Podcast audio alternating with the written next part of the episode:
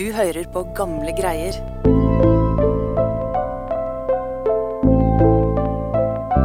En dag i 1034 står en ung norsk prins foran storfyrsten av det mektige Kiev-riket. Prinsen har akkurat spurt den middelaldrende fyrsten om å gifte seg med datteren hans, og nå står han forventningsfull og venter på svaret. Men fyrsten nøler. Hva kan denne blonde nordmannen uten land og rikdom tilby en fyrstedatter? Han bestemmer seg for å gi prinsen en utfordring. Han må ut i verden og vise at han er verdig.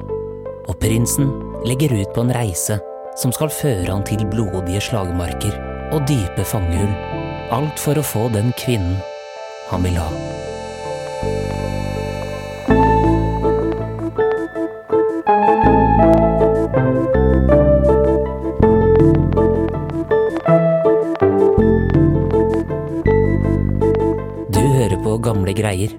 Historiepodkast fra Nasjonalbiblioteket. Jeg heter Lars Hammeren Risberg.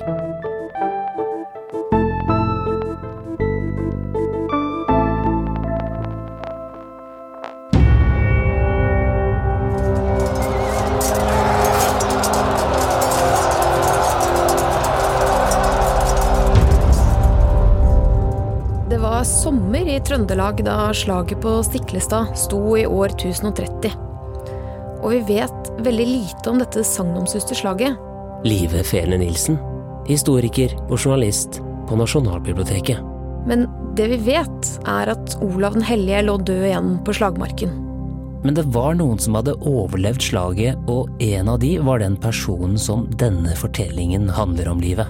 Ja, og en av dem var Olavs lillebror, Harald. Han var hardt skadd, og hvis ikke han ville lide samme skjebne som storebroren sin, så måtte han komme seg i sikkerhet fortere enn svint. Og heldigvis så hadde Harald noen gode menn med seg som fikk hjulpet han til en bondegård i nærheten. Og der bodde det en bonde som viste seg å være veldig hjelpsom. Så de bar Harald inn i huset og la han ned der. Og etter å ha blitt stelt litt med og fått hvilt seg, så kviknet han til igjen. Men fiendene til storebroren var etter han, og han kunne ikke bli der. Så da han kom seg, så fikk han stavret seg på beina og kommet seg opp på hesteryggen.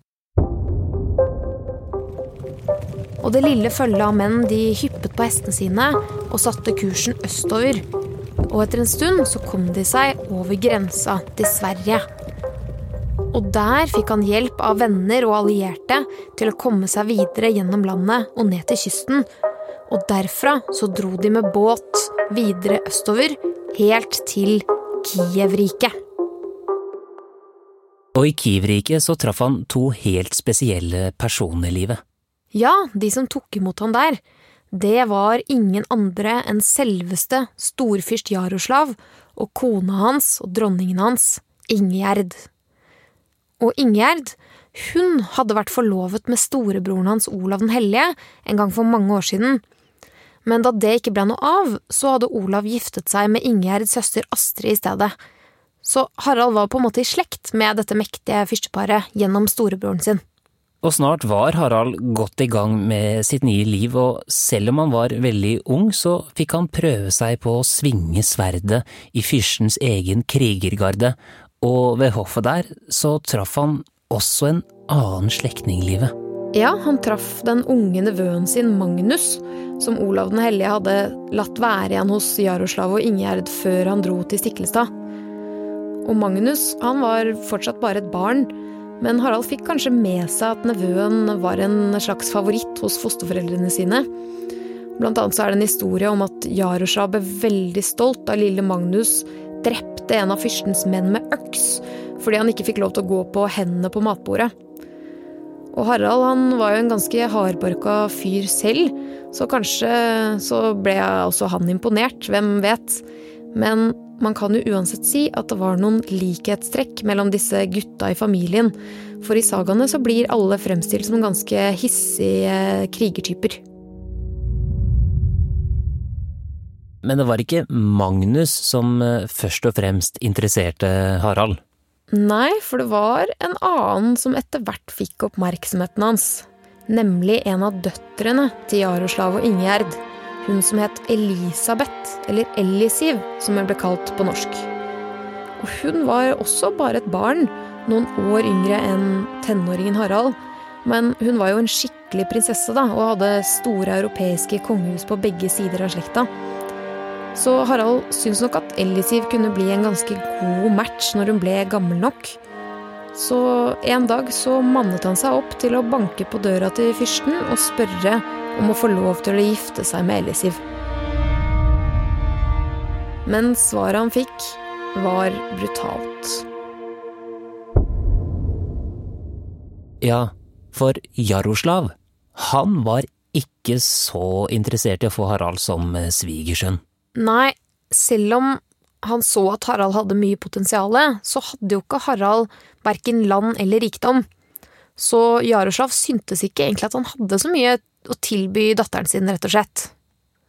Så da måtte Harald gå igjen, da, med halen mellom beina, og tenke over dette svaret. Men Live, Harald var jo ikke akkurat typen til å gi seg, så hva gjorde han da? Han var en ambisiøs fyr, og han følte seg nok ikke som en hvem som helst. Altså, han hadde jo vokst opp som lillebroren til en konge, og med alle muligheter foran seg. Så han la en plan. Han ville skape seg en karriere og bli en rik og mektig mann som var verdig en fyrstedatter. Og hvor kunne han gjøre det? Jo, i Miklagard, som er den byen som vi i dag kaller for Istanbul. Og Miklagard var ikke et eh, tilfeldig valgt sted. Nei, for Miklagard var hovedstaden i det bysantinske riket, som var det største og viktigste riket i Europa etter Romerrikets fall. Og det ble styrt av keiseren, og han var en veldig mektig mann som så på seg selv som etterfølgeren til de romerske keiserne. Og i denne perioden så hadde hærførerne til keiseren veldig mye makt, for det var de som holdt riket hans samla og kjempet mot fiendene hans, og underla seg nye territorier. Og det ville jo den krigerske og ambisiøse Harald være med på. Så han rekrutterte en gjeng med eventyrlystne folk, og de begynte å planlegge reisen og pakke ting ned i skipene sine. Og snart så satte de seil og føyk nedover elva Dnepr, helt ned til Svartehavet og videre sørover, helt til de så kirkespir og mektige bymurer der fremme.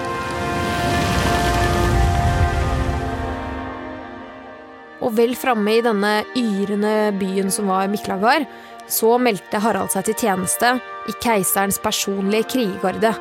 For akkurat som Jaroslav, så hadde keiseren også en gjeng med topptrente skandinavere til å kjempe for seg.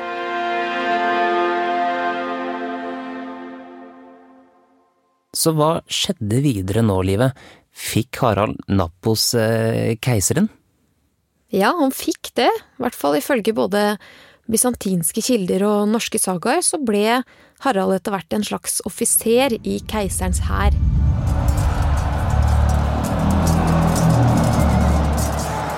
Snart kunne man se han i spissen for hardbarka krigere som herja omkring i Middelhavet, og de nedkjempet arabiske pirater og farget det turkise vannet rødt av blod med sverdene sine. Og han gjorde det skikkelig bra, og vant keiserens tillit som hærfører.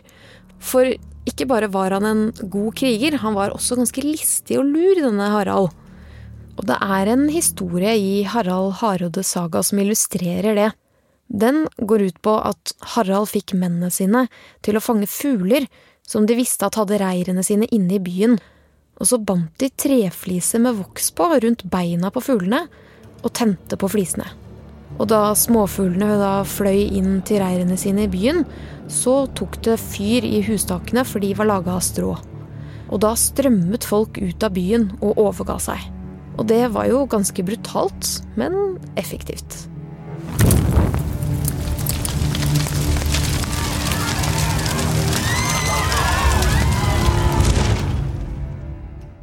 Så eh, nåde den som så sverdet til eh, Harald blinke i sola der han kom seilende på skipet sitt, for det betydde da åpenbart eh, blod og brann og plyndringlivet. Og alt dette plyndregodset, det lastet han opp om bord på skipet sitt, og tok med seg tilbake til Miklagard. Ja, og når han da endelig kunne fortøye skipet sitt i storbyhavna, Så lastet han skattene av skipet og sendte dem rett nordover til Jaroslav og Ingegjerd oppe i Garda, sånn at de kunne ta vare på det. Og det var nok én spesiell grunn til det. For han hadde nok ikke glemt hva Jaroslav hadde sagt da han avviste Haralds frieri til Elisiv. Ja, fordi det er jo mye som tyder på at Harald ikke hadde glemt henne, for på en av reisene sine så har han faktisk tatt seg tid til å lage et dikt som eh, handler om henne.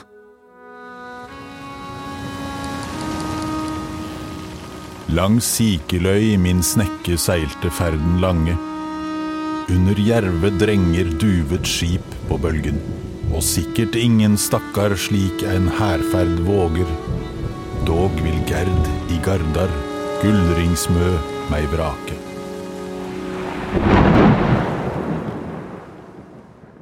Og vi vet jo ikke helt sikkert at det var Harald som diktet dette.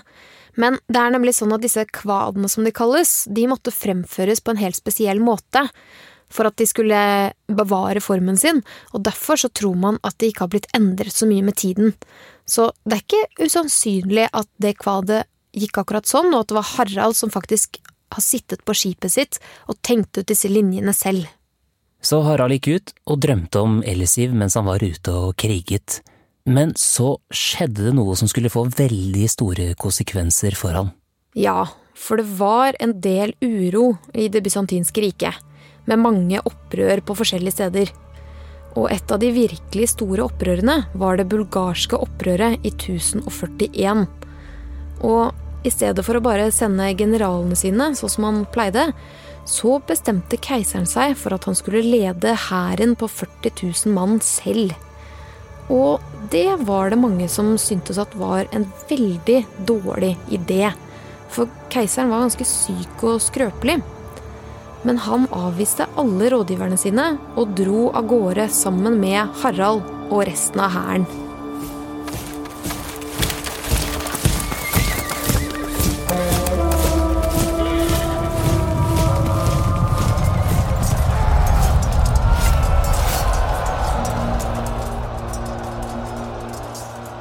Harald og krigerne hans ble avgjørende i dette slaget, og keiseren vant. Men denne krigen kostet keiseren ganske dyrt. For krigen hadde tappet han for de siste kreftene han hadde igjen. Og da de dro triumferende tilbake til Miklagard, så var det tydelig at keiseren ikke hadde så lenge igjen å leve. Og kort tid etter at de kom fram, så døde han. Og da brøt jo kaoset løs livet. Ja. Det ble fullt kaos innad i keiserfamilien, og Harald han havna midt i maktkampen. Og det er litt forskjellige fortellinger om hvordan og hvorfor, og ingen av dem er helt troverdige, men i hvert fall så endte det med at Harald ble kasta i fengsel.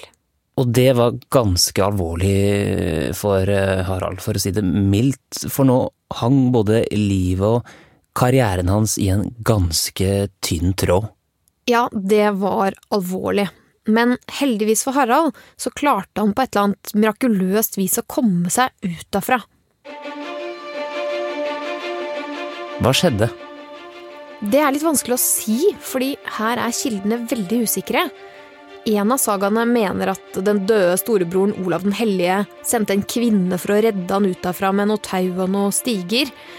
Men uansett hvordan det skjedde, så kom Harald seg ut. Og han fikk samlet krigerne sine, og de ble enige om at dette her, det var ikke noe blivende sted.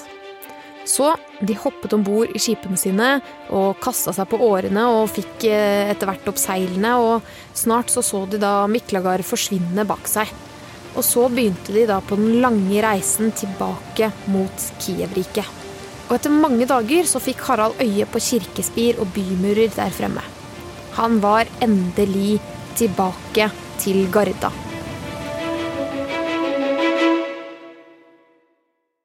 Og der ble han hilst velkommen av fyrst Jaroslav og dronning Ingjerd.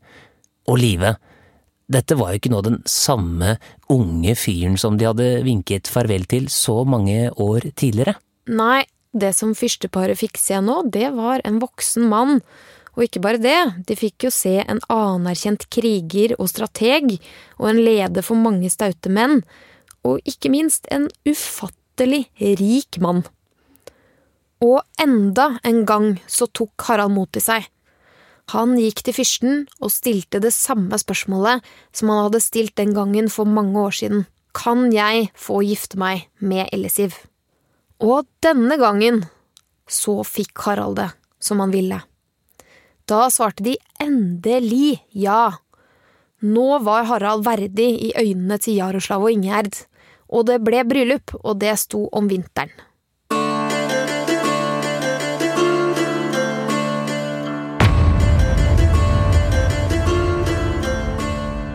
Det var nok en ganske storslått affære, for Harald han hadde jo råd til det meste, og han hadde helt sikkert tatt med seg eksotiske kryddere og kostbare klær sørfra. Og jeg ser for meg at det lukta av stekt kjøtt av mange forskjellige slag, og kanskje kanel, og kanskje til og med litt safran. Og de fine gjestene gikk rundt i fargerike drakter og lyttet til nydelig musikk og drakk vin og koste seg. Og Harald var nok rimelig fornøyd, i hvert fall om vi skal tro et av skallediktene som ble laget. Svogerskap slik han ønsket vant Egders fyrste. Mennenes venn fikk gullet i mengde og kongens datter.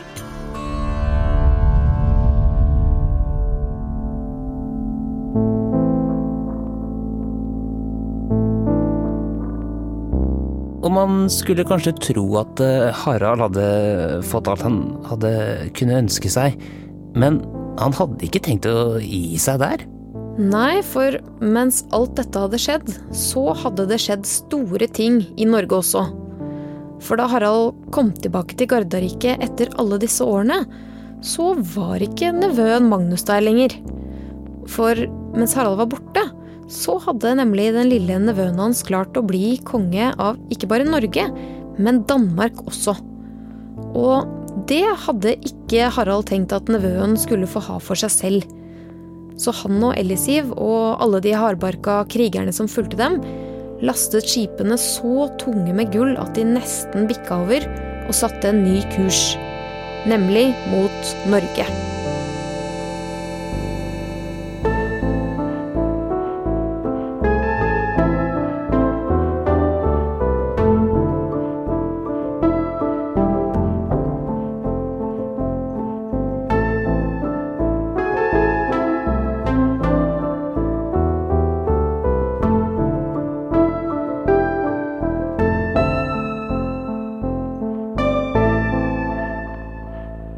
Du har hørt en episode av Gamle greier.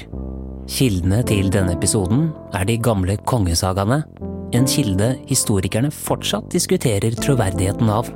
Men siden det finnes lite kilder fra denne perioden, har vi valgt å basere oss på det som virker som de sikreste opplysningene i sagalitteraturen. Du har hørt musikk fra Epidemic Sound og Therese Aune. Du finner mer av Therese Aune på thereseaune.com, eller der du strømmer musikk til vanlig. Mitt navn er Lars Hammeren Risberg. På gjenhør.